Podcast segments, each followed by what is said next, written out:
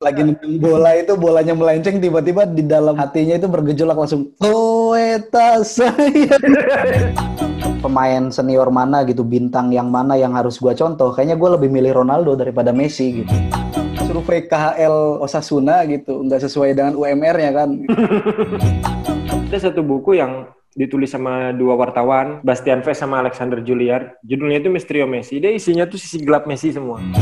Orang-orang Katalunya itu dia bisa mengekspresikan sikap politiknya justru ketika di dalam cameo Ini bukan kebebasan berpendapat, menghina itu bukan kebebasan berpendapat. Kita selama ini menganggap Eropa itu sangat dewasa sekali menerima perbedaan karena selama ini melihat sepak bola mereka. Tapi menurut gue justru sepak bola menjadi dirinya sendiri, Ri. Ternyata wajah negara tidak sesuai dengan wajah sepak bolanya. Ya memang gitu. Denon ya, Danon. Apa sih? Gimana sih bacanya? anjing?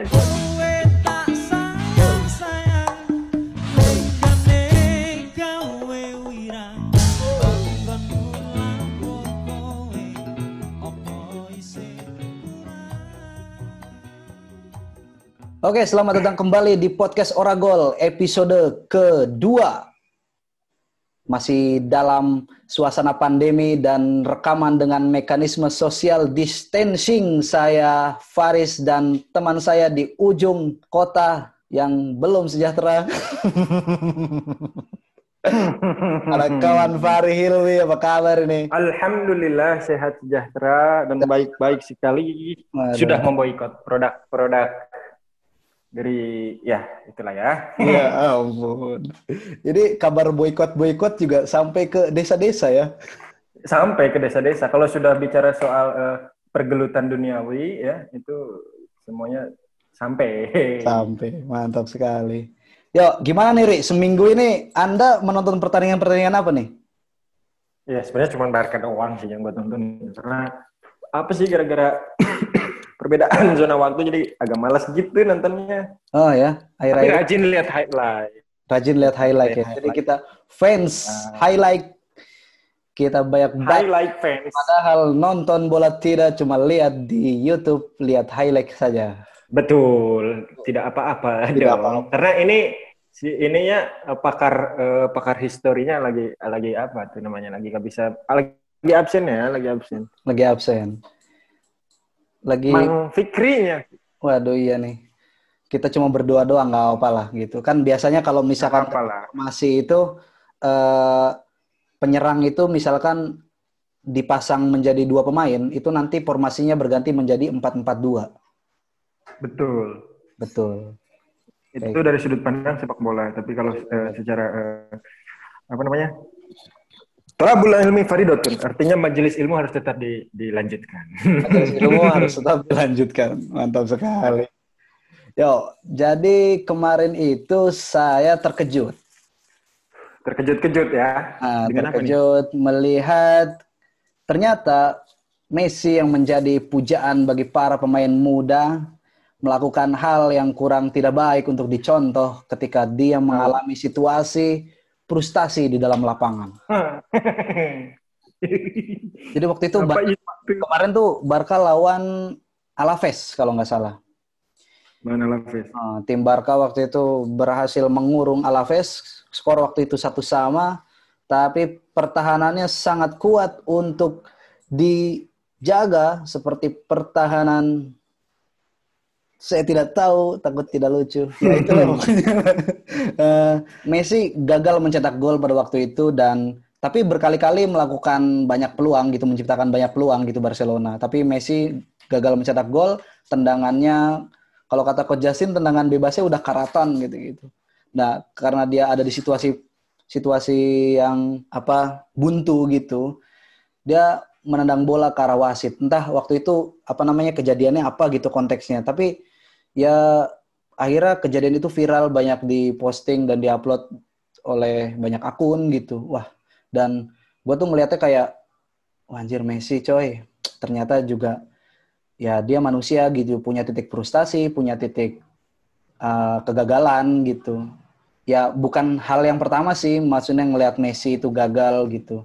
Kayak dari 2014 kan dia udah setitik se- sedikit lagi dapat Piala Dunia gagal gitu. Terus ya banyak momen juga dia mengalami kegagalan yang baru kemarin dihancurkan oleh Bayern Munchen juga dia gagal Ya, gitu. Kayak gitu ya gitu. Ternyata Messi juga manusia dan eh gue sebagai fans Barcelona dan juga fans Messi itu ya menyadari bahwa ya udah gitu udah habis lah kayaknya ya kayaknya masanya Messi kayaknya udah nggak tahu deh. Menurut lo gimana? Udah, entahlah umurnya berapa lama lagi. Ya emang apa namanya? Messi itu eh udah udah udah udah tertekan dari dari banyak hal ya. Ini a priori aja sih ya. Cuman dilihat dari apa namanya? perjalanan dia selama ini kayaknya bukan kali pertama deh dia. Tapi mungkin kalau ke wasit kali pertama ini ya. Tapi kalau Messi kayak nantangin atau ngajak gelut di lapangan bola ini nggak nggak sekali nggak sekali ini aja karena dulu juga ya mungkin eh, buat yang dengar podcast ini pasti tahu lah waktu itu Messi di El Clasico ujung-ujungnya nonton aja ngendang ini ya apa namanya ngehabret ngegabret band apa namanya apa tribun tribun, Tribun. iya habis itu kan dia berantem sama si Pepe ya. ya videonya tersebar banyak lah di YouTube memang apa ya orangnya tuh pendiam tapi sebenarnya hatinya bergejolak Messi itu Hmm. kasihan gue sebenarnya liatnya itu itu Jadi lagi nendang bola itu bolanya melenceng tiba-tiba di dalam hatinya itu bergejolak langsung Toeta saya. bangsat. Itu Messi itu kalau marah yang namanya orang eh, udah kepandang seakan-akan dia itu pendiam sekalinya marah apalagi dia public figure di di antara teman-teman apa rekan-rekan para pemain bola pun dia dia figur gitu loh ya Figur ya. Iya, menjadi- iya, iya. Eh, dia menjadi mungkin beberapa ada yang meneladani dia, ada yang ngefans sama dia. Kemudian melak- dia melakukan hal yang sebenarnya itu mendasar yang tidak terpuji tanpa alasan dia nggak di nggak kayak Zidane yang gue bukan ngebela Zidane ya, tapi bu- tidak ada provokasi gitu loh maksud gue. Tapi kemudian malah ngelakuin hal kayak gitu kan ngagetin, bener gue setuju sama lo, ngagetin Hmm. kali gitu. Iya, oke. Ya Itu, selain Bang Faris. selain itu pertandingan-pertandingan juga banyak menyuguhkan kejutan gitu. Ternyata Madrid akhirnya berhasil menang di Liga Champion. Dia kan belum pernah menang di Liga Champion kan? Tapi semalam menang pas lawan Inter. Mm-mm. Eh bukan semalam, dua hari yang lalu. Dua hari yang lalu menang pas lawan Inter. Dia kayak posisinya agak terancam ya di ini dan grup yang ada di apa grup yang bersama Real Madrid, tim-tim yang bersama Real Madrid tuh kayaknya menarik juga. melihat tim-tim Spanyol lagi babak belur kayak gitu, gua kayaknya mencium bau-bau arus balik deh ya. Kayaknya entah. Wah, gimana, gimana tuh arus balik gimana? Karena kan dulu pernah eh, sepak bola ini dikuasai oleh Italia ya. Kemudian ada eh, apa namanya skandal pengaturan skor yang membuat Liga Italia kemudian di ah seperti Pa- itulah ya, pamornya pamornya turun kan akhirnya pasca pamornya Calcio turun. Calciopoli. Betul Calciopoli yang kemudian eh, imbasnya kan Juve terdegradasi dan sem- semuanya kemudian apalagi ditambah Ronaldo pindah ke ke Madrid kemudian ada persaingan yang wah sampai Ronaldo sekarang pindah ke Juve aja masih ditunggu-tunggu itu dua pemain Ronaldo sama Messi ketemu. Eh, tapi Udah keren itu Ronaldo ya. dunia. Tapi keren Apa Ronaldo ya pelampiasannya kemarin ya. Nggak main pas lawan Barca, habis itu sekali main langsung dua gol. Terus kemarin pas Masih lawan botak Feren, emang. pas lawan Ferenc Paros, eh bukan Ferenc Paros, iya Ferenc Paros itu Hmm. nyetak bola, gimana mantap sekali Ronaldo ini. Emang nggak habis-habis itu orang kayaknya tuh. Eh, dia Makanya tuh gue penasaran Messi apa sebenarnya harus hijrah itu apa gimana?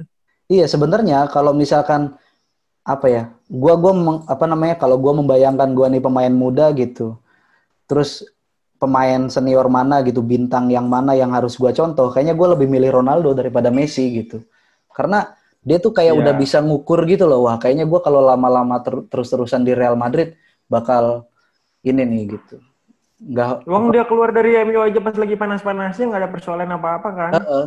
dia keluar dari Madrid kan posisinya Madrid tiga kali berturut-turut juara Liga Champion ya. Nah, Padahal kan ya Gitu. udah gitu enak aja gitu. Wah, dia bisa membangun legacy, dia mau bisa bisa bahkan bisa menjadi king Madrid gitu.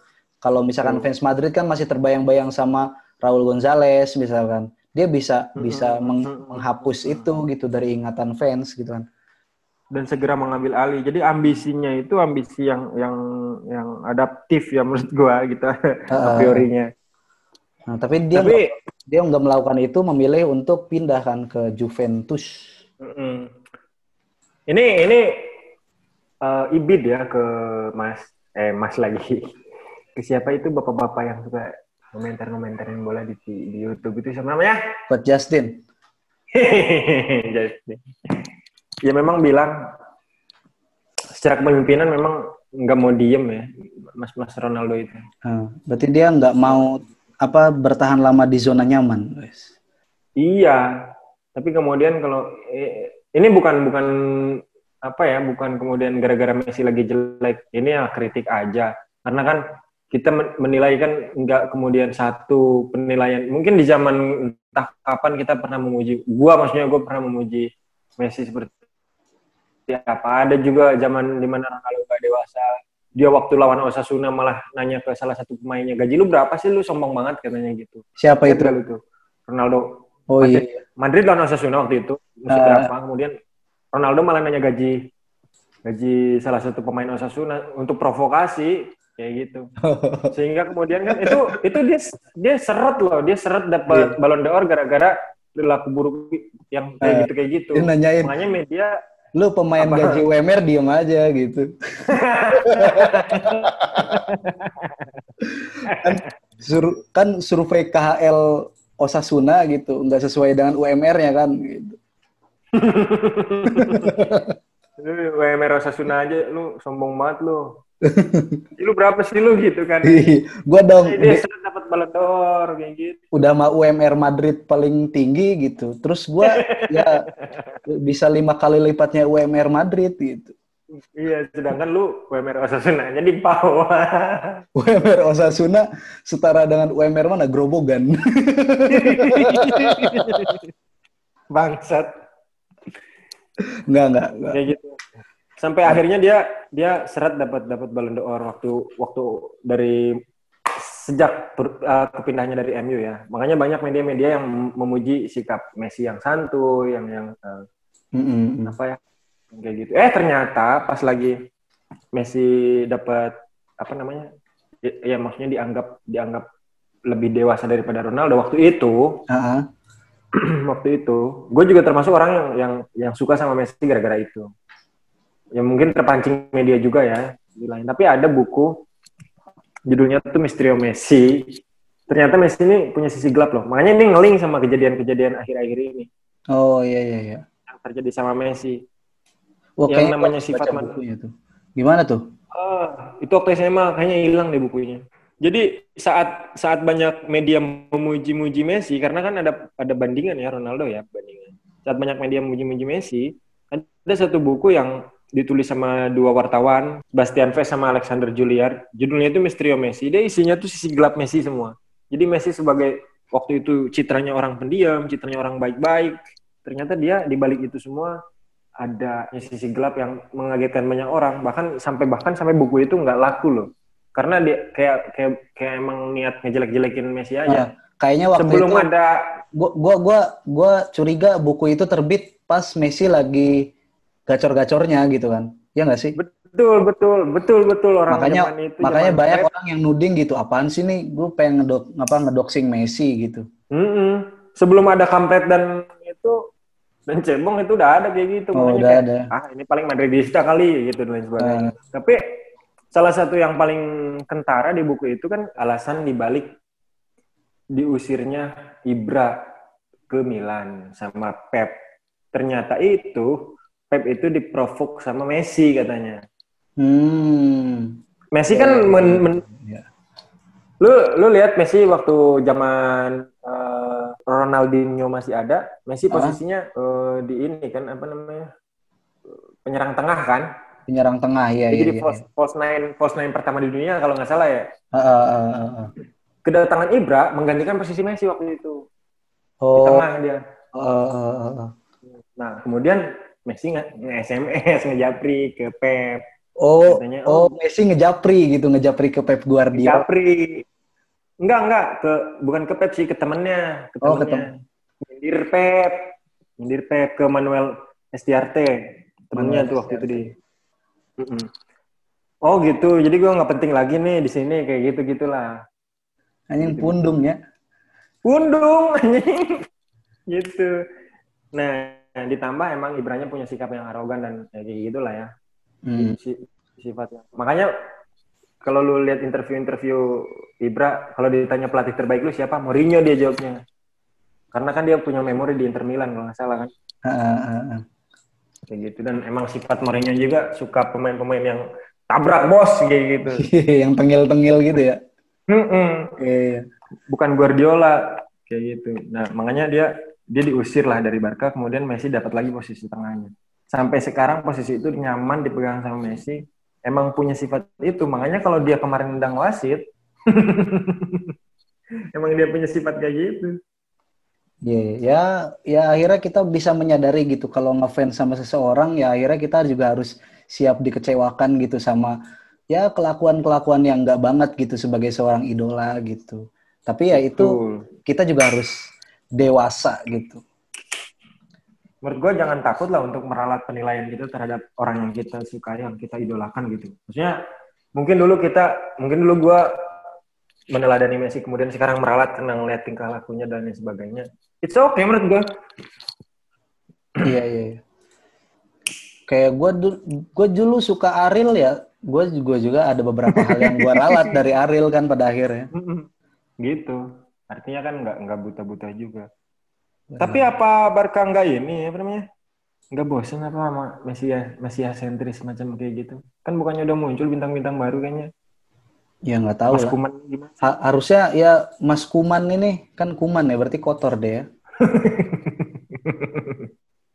Jadi harusnya sih dia bisa nyontoh Pep gitu ketika awal-awal dia melatih Barca. Dia kan Pep kan waktu awal-awal apa ngelatih Barca kan bukan siapa-siapa, cuman pelatih Barca B yang dipromosiin gitu loh, ngelatih Oh, tim oh, oh. senior gitu kan. Hmm. Dan dia kan kalau menurut gue sih itu kayak perjudian gak sih Ronaldinho gitu dijual terus ya bener-bener ngasih kesempatan lebih banyak buat Messi ya nggak sih Hmm, hmm, hmm. Messi kan anak-anak ini ya, anak bau bawang lah ya. Uh, uh, waktu itu kan belum Itu itu. belum banyak membuktikan apa-apa lah gitu sebagai seorang pemain bola Iya gitu. benar-benar. dia skillful Sedangkan Ronaldinho legendnya minta ampun. Hmm. Ronaldinho dia dia legend udah ngasih banyak momen ngasih banyak jasa buat Barcelona tiba-tiba dijual gitu terus Hmm. ya bener-bener ngerombak gitu bahkan pemain-pemain Barca pun yang tadinya itu eh, pemain-pemain belian gitu dari klub-klub lain tuh banyak yang dijual banyak yang cuci gudang lah bahasanya terus banyak ngorbitin eh, pemain-pemain yang asli didikan pondok pesantren La Masia Barca. alumni alumni lokal. alumni lokal Iya. pride ya gitu-gitu lah. Lokal pride. Tapi akhirnya kan perjudian itu terbukti ya dengan dengan eh, seks sextuple itu yang yang wah gitu tidak pernah belum pernah di di, di apa namanya dipatahkan rekor itu. Dapat 6 trofi liga apa dalam semusim kompetisi tertinggi dalam satu musim. Wow, gitu. Akhirnya kan perjudian itu terbukti. Tapi entah nih sama Ronald Koeman ini, kayaknya kurang kurang. Gua nggak tahu sih ya apa yang ada di pikiran bagi bagi pendengar-pendengar yang mungkin lebih paham soal kepelatihan, barangkali punya penilaian sendiri. Tapi kalau kita sebagai supporter sih ngeliat Koeman ini kan kayaknya kayak nggak berani gitu nendang Messi. Dia takut terhadap perjudian yang semacam Pep lakukan dulu gitu. Kemungkinan besar gitu. Karena resource yang dia punya pemain-pemain muda nggak jelek-jelek amat gitu. Ya intinya gue sebagai fans cuma bisa bilang maha benar Messi dengan segala dribble dan free kicknya. Oke, sudah masuk ke segmen 2 ya. Tadi kita sudah bahas banyak soal, ya kebanyakan soal Mas Messi ya. Kelakuannya kemarin nendang, nendang bola ke wasit. Sekarang ini, akhir-akhir ini kan dunia sedang masih panas-panasnya dengan komentar Presiden Prancis Emmanuel Macron yang lumayan berani sekali beliau. gua gua nggak ini ya, gua nggak nggak fanatik terhadap agama tertentu, nggak bukan karena gue beragama yang kemudian sekarang lagi dipojokkan sama Emmanuel Macron, tapi kemudian ini menjadi bahasan menaja gitu. Emang kronologinya gimana sih tuh? Kronologinya kan ada ada tindakan terorisme yang katanya dibacok apa gimana itu. Kemudian Macron marah sebagai presiden, kemudian media salah satu media di Prancis menerbitkan karikatur Nabi itu kemudian malah didukung sama Macron itu sih sebenarnya sebagai pemimpin sebuah negara yang punya jalan panjang sejarah yang bahkan menjadi teladan setiap eh, banyak orang di dunia ini ya Prancis gitu kan iya iya iya kok iya. bisa bisanya melakukan itu gitu loh pertanyaannya hmm. dari gua apa yang kemudian kita sebagai uh, penikmat sepak bola melihat fenomena ini bentar bentar bentar ini kayaknya gue agak bingung nih. Kasus tadi kan masalah yeah. intoleransi. Hmm. Terus lu mengkerucutkan itu ke pertanyaan gimana nih kita sebagai penikmat sepak bola. Nah, korelasinya di mana anjing? Gini loh, lu lihat timnas Prancis deh. Anjing ada timnas Prancis dari dulu. Okay.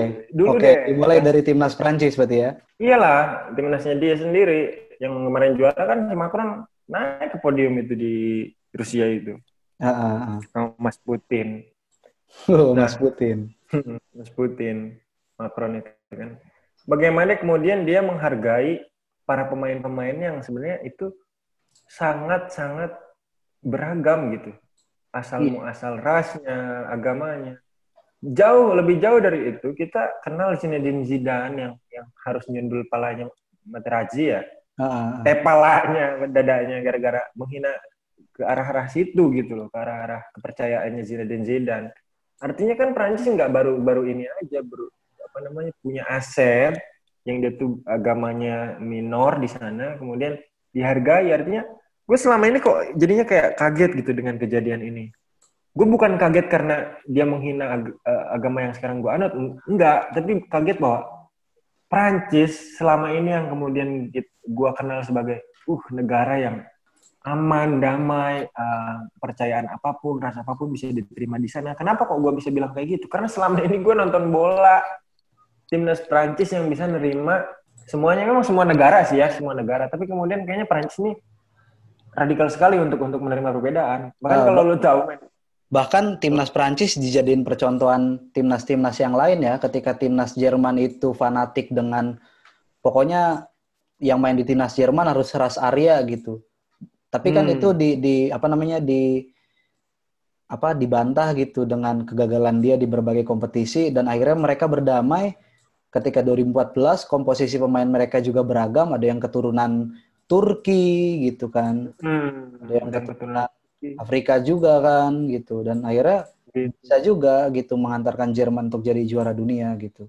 Betul. Nah, Prancis juga tim yang dijadiin teladan gitu ya akhirnya bisa membuktikan juga kan. 98 terus jadi finalis di 2006 terus Betul. 18 dia juga akhirnya jadi juara. Jadi juara akhirnya. Kan yang bawa kan kemudian Pogba nah Kante. titik tapi titik masalahnya menurut lu di mana Lari? maksudnya Emmanuel Macron sebagai presiden Prancis yang mana Prancis itu uh, adalah negara yang benar-benar menjamin uh, kebebasan berekspresi masyarakatnya gitu kan. Dia menerima berbagai macam ras gitu kan. Bermain hmm. berbagai macam kepercayaannya. Menurut lo titik masalahnya di mana gitu?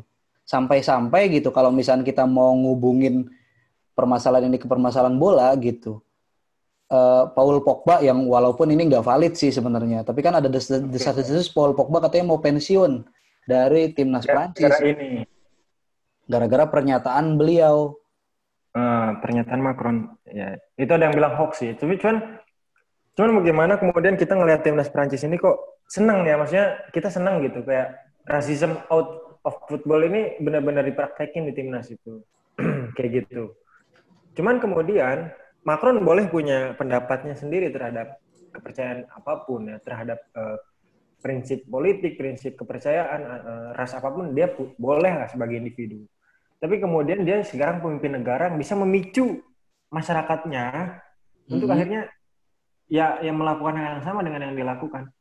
Ini terorisme musuh kita semua, tapi kemudian bahwa dia malah menjadi mensahkan penghinaan terhadap satu apa ya teladan atau satu satu uh, nabi dari satu agama ya orang besar pemuk apa namanya ya tokoh penting di, di satu kepercayaan tertentu dia mendukung mendukung penghinaan terhadap terhadap sosok tersebut atas dasar yang tadi uh, uh, kejadian terorisme di beberapa waktu sebelumnya. Artinya kan ini kayak makanya makanya Macron ini mesti belajar dari dari sepak bola timnasnya sendiri gitu loh. Menurut gua, bagaimana kemudian bisa saling menerima, bisa saling party bareng waktu juara aja party bareng gitu loh. Iya iya. Uh, pandang bulu dan lain sebagainya. Gua ngelihatnya gitu ya. Gua kira harus bisa membedakan lah ya, mana kemudian tindakan uh, yang yang uh, pidana dengan dengan uh, apa namanya pembalasan yang sedemikian malah sama-sama agresifnya. Ini bukan kebebasan berpendapat, menghina itu bukan kebebasan berpendapat. Benar, benar, Jadi benar. Itu itu penghinaan, itu itu namanya udah udah udah menghina. Itu sama aja sama tindakan si terorisme akhirnya kan ini sama malah memicu memicu ini ya memicu perang dingin perang dingin di dunia bahkan di, di sampai-sampai ini kan akhirnya ada gerakan boykot ya bukan di bukan di Indonesia doang kan di dunia Islam gitu negara-negara yang mayoritas Islam karena merasa ya. apa namanya eh, pernyataan si Macron ini membuat ya membuat tersinggung banyak umat Muslim akhirnya gerakan boykot. Tapi ngomong-ngomong soal gerakan boykot nih, apakah itu jadi hmm. ini ya jadi kayak itu kan nggak nggak sekali dua kali gitu dulu kan kita pernah juga zaman-zaman kecil kita kan ayo boykot jangan beli barang-barang Israel gitu Betul. Gitu-gitu. Nah, menurut tuh gimana sih tuh kayak gitu? Ah, gue kira itu tidak terlalu memberikan pengaruh yang banyak. Yang penting gue sih setiap ada, memang kalau lu nggak sepakat dengan satu tindakan elit-elit politik dunia ini, global elit global, kira-kira bisa mendefense dengan prinsip kita, pengetahuan yang kita punya. Karena boykot produk itu ngerugiin banyak orang lah, bukan ngerugiin negara Prancis doang. Sekarang Denon Aqua Aqua di di ini sama Denon Denon ya, Danon. Apa sih? Gimana sih bacanya anjing? Itu kan dari Prancis. Danon, Danon. Itu kan yang yang bikin-bikin Aqua itu kan buruh-buruhnya juga orang-orang kita juga gitu loh. Kalau kemudian pendapatan turun bisa kena PHK dan lain sebagainya itu kan mimpi buruk juga. Makanya kalau di defense-nya dengan dengan cara intelektualitas, gue kira lebih ampuh daripada kemudian melakukan boykot produk negara tersebut. Tapi back to football, back to football, kita selama ini menganggap Eropa itu sangat dewasa sekali menerima perbedaan karena selama ini melihat sepak bola mereka. Betul, kan betul, gitu. benar, benar, benar, benar. Bagaimana uh, flyer-flyer, kemudian uh, e-board di samping-samping bola yang papan iklan itu kan, uh. samping-samping lapangan no racism, say no to racism, say no to racism. Iya, padahal padahal baru kemarin kan banyak liga-liga di Eropa itu kan ikut ikutan apa namanya meng, menaikkan isu apa namanya kesetaraan kan soal Black Lives Matter gitu-gitu. Black Lives Matter iya bah, bahkan Inggris sampai bikin jersey khusus untuk itu gitu kan. Uh, MU kan belakangnya ada sablonan Black Lives Matter juga uh, gitu. itu Artinya kan kita kayak Eropa bisa jadi contoh. Artinya eh, selama ini eh, kita kita berpikir bahwa sepak bola ini menjadi wajah dari negara tersebut. Artinya ketika sepak bola ini memper sepak bola ini kan uh, olahraga terpopuler. Dia dia melibatkan banyak orang. Tidak hanya 11 lawan 11, tapi kemudian ada ribuan penonton yang yang ada di belakang mereka. Kemudian iya, ada iya, iya, iya, iya, apa iya. namanya? Rangkaian di, di komoditi sepak bola itu. Artinya kan ini sesuatu yang sangat besar. Bahkan FIFA ini setara PBB loh kebijakan-kebijakan yang diambil. Gitu. Iya. Makanya nah, kayaknya gua artinya gua, ketika sepak bola melakukan campaign apa, kita seakan-akan menganggap itu campaign yang di, di sebuah campaign yang memang terproduksi dari prinsip yang dimiliki oleh bangsa di negara tersebut. Misalkan uh, Inggris ada ada supporter yang rasis, kemudian supporter itu dihukum untuk tidak bisa menonton sepak bola seumur hidup. Uh, kemudian iya, kita iya. menganggap wah Inggris sudah dewasa nih, ah, ah, ah. kesetaraannya. Tapi ngelihat kemudian Macron melakukan itu dan masyarakat beberapa kelompok di sana me- me- menyetujui apa yang Macron katakan, wah berarti sepak bola juga tidak mewakili apa kata negaranya gitu loh. Sepak bola hanya se- sekedar brand, hanya sekedar wajah, yang dia juga alat untuk mengkampanyekan eh, wacana itu. Tapi menurut Hanya gua, alat gitu. tapi menurut gua justru sepak bola menjadi dirinya sendiri, Ri. Kalau misalnya lu Betul. tadi bilang FIFA itu FIFA dan apa namanya banyak federasi-federasi yang domisilinya di berbagai negara itu juga ada gitu. Dan FIFA juga sebagai lembaga tertinggi dari persepak apa federasi sepak bola itu juga bisa ngintervensi gitu kan. Kayak misalkan PSSI dibekukan sama apa sama FIFA, FIFA. gitu. Jadi menurut gua sepak bola menjadi dirinya sendiri gitu, menjadi dirinya sendiri dan patut untuk kemudian kita lihat juga gitu, kita jadikan tauladannya juga. Kalau misalnya mau main apa ya, ngelihat tadi lu bilang ternyata wajah negara tidak sesuai dengan wajah sepak bolanya Sepak gitu, bola. sepak bolanya. Ya memang gitu, karena sepak bola dan dan persoalan negara gitu, persoalan masyarakat juga menjadi hal yang berbeda gitu. Sepak bola hanya Jadi mengin- beda. hanya seka- sesekali gitu men- men- menginfluence gitu loh kehidupan masyarakat gitu kayak misalkan satu fenomena besar gitu yang yang yang dihasilkan dari sepak bola itu untuk menginfluence kehidupan masyarakat ketika Pantai Gading berhasil lolos ke Piala Dunia Ya, ya kan waktu itu kan Pantai Ya. Gading posisinya kan lagi perang saudara kan terus betul, Drogba betul, betul, betul. Drogba sebagai ikon dari timnas apa Pantai Gading itu kan bikin seruan, coy, mending jangan perang, coy, nonton Pantai Gading aja di di Piala Dunia di gitu. Piala Dunia. Dan dan terbukti dan akhirnya berhasil meredam perang itu gitu dan mereka damai gitu. Nah, sepak bola menjadi dirinya sendiri dan dia berhasil menginfluence juga masyarakat. Nah, nah ya gue sih berharap dari kejadian-kejadian misalkan Manuel Macron gitu banyak melakukan kontroversi gitu dari pernyataan-pernyataannya. Nah, sepak bola juga hadir gitu sebagai eh, satu apa ya? apa sih obat penawar atau kemudian mungkin Iya, apa ya? Sepak bola hadir sebagai sebagai dirinya sendiri itu untuk mengkampanyekan gitu. Udahlah gitu. Jadi kontra argumen lah ya. Ah, jadi kontra argumen gitu. Ah, toh Mm-mm. Apa namanya dalam dalam sepak bola gitu dalam pemain-pemainnya juga diberi kebebasan juga. Misalkan Muhammad Salah di dan Sadio Mane gitu ketika beberapa musim yang lalu di Liverpool gitu. Padahal Liverpool waktu itu lagi padat-padatnya jadwal pertandingan tapi diperbolehkan untuk melakukan kewajibannya gitu sebagai umat muslim. Dan diperboleh Betul. dan dan gak dipermasalahkan gitu sama Jurgen Klopp kan. Dia puasa gitu kan. Ketika ada yang nanya wartawan mana gitu wartawan Inggris gitu kedaulatan London. Kedaulatan London. Bangsat, pikiran lo, pikiran London. pikiran people aja. harian Merseyside gitu. Iya kan nanyain kenapa lu kok ngebolehin apa namanya Sadio Mane sama Salah puasa? Padahal nih Liverpool jadwalnya lagi padat. Lah ada hal yang lebih penting dari itu kata Jurgen Klopp.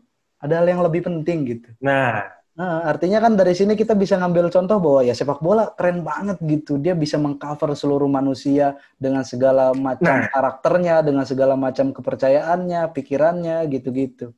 ya minimum lah. Minimal saat 90 menit pertandingan berlangsung, rasisme dan lain sebagainya yang merugikan kedirian seseorang itu hilang gitu. Walaupun kemudian Ah. setelah bubar dari stadion itu kemudian malah meledak lagi, meledak lagi. Gue nggak tahu apakah mungkin, gue nggak tahu ya ini. Ini gua Ya, tapi tapi justru orang-orang Katalunya itu dia bisa mengekspresikan sikap politiknya justru ketika di dalam cameo, Ri. Hmm, bener-bener. Iya, bener. di, di luar camp, ya, eh, dia, dia pas udah keluar dari stadion cameo, dia bilang apa free Katalunya, wah ditangkap coy. ditangkap. Tangkap. Makanya justru ketika dia dia eh, mengekspresikan ke- apa namanya independensinya sebagai sebuah bangsa di dalam stadion, kemudian negara mengintervensi, Federasi Sepak Bola Spanyol nggak mau nggak bisa diam gitu kan? Ah, Dia nggak mau. Dia kalau misalkan ber, ber, ber- apa namanya berselingkuh dengan negara yang bisa bisa kena kena kena sanksi FIFA. ah, ah, benar-benar. Ini dulu juga terjadi di Indonesia loh. Waktu Irak juara di negara kita. Ah, Irak ah, tuh ah. lagi perang waktu itu anjau, tapi dia juara Asia. Itu kan ah. sesuatu yang oh, sangat sangat ini mewah sekali ya untuk untuk apa yang bisa dilakukan sepak bola terhadap kehidupan kehidupan sosial manusia di seluruh dunia ini. Kayak gitu. Makanya kalau kata Mang Fikri di di chat room itu ya mungkin teman-teman jadi kita ada ah, ruang koordinasi lah ya. Mang Fikri ini sebelum sebelum dia sebelum dia absen dia memberikan satu uh, sedikit banyak ujangan kan katanya elit-elit global ini perlu belajar sama sepak bola, lu belajar sama kedewasaan di sepak bola. Sepak bola ini enggak padahal yang perang yang yang berhadapan-hadapan, bertanding saling mengalahkan itu sepak bola loh. Uh, uh, uh. Ya kan? Tapi kemudian di sana malah rangkulan, kemudian saling menghargai terjadi gitu. Bahkan benar, lebih dewasa benar. daripada yang dilakukan sama elit-elit politik global macam kalau kata Mang Fikri, macam uh. Trump, Emmanuel Macron kayak gitu. Iya, iya, Seperti iya. itu. Perlu belajar. Kita mungkin kalau Mang Fikri bilang elit-elit politik harus belajar sama sepak bola, apalagi kita gitu loh sebagai masyarakat biasa. Gue kira jangan kemudian ketika lu menggunakan jersey uh, apa klub idola lu yang klub idola lu itu mengkampanyekan uh, kesetaraan, mengkampanyekan uh, no rasism kayak gitu. Uh, uh, Ketika lu pakai jersey itu aja, lu mengkampanyekan hal yang sama dan mempraktekkan hal yang sama. Tapi ketika lu lepas jersey idola lu, ketika lu melepas identitas kesupporteran lu gitu, mm-hmm. gitu kan, lu malah lu malah rasis lagi gitu. Gua kira yeah, yeah, ah iya. nggak selesai lo jadi supporter kalau kayak gitu hmm. caranya. bener bener. Harusnya bener, bener. kehidupan yang lain juga memberikan efek lah menurut gua. Harusnya yeah. seperti itu ya. Uh, itu kalau Pakistan ketemu India kan kayak big match juga ya kan? Wow, sekali. Pakistan ketemu India. Nah, kan orang-orang di India kan ada peraturan tidak tertulis kan, nggak boleh pakai jersey-nya timnas Pakistan untuk dibawa ke mana-mana. Padahal kalau misalkan Pakistan ketemu hmm. India, ya mungkin pemain-pemainnya ya santai-santai aja ya. Tapi fansnya itu yang justru Wah, santai bawa, aja Korea nah. Utara mungkin pernah ketemu sama Korea Selatan, uh Cina ketemu sama Jepang yang punya jalan panjang sejarah. Cuman gua nggak tahu ya ketika Arab Saudi ketemu Israel itu gimana. Atau timnas Palestina ketemu timnas Israel. Belum pernah ya? Wow. Belum pernah terjadi. Iya iya iya iya. iya.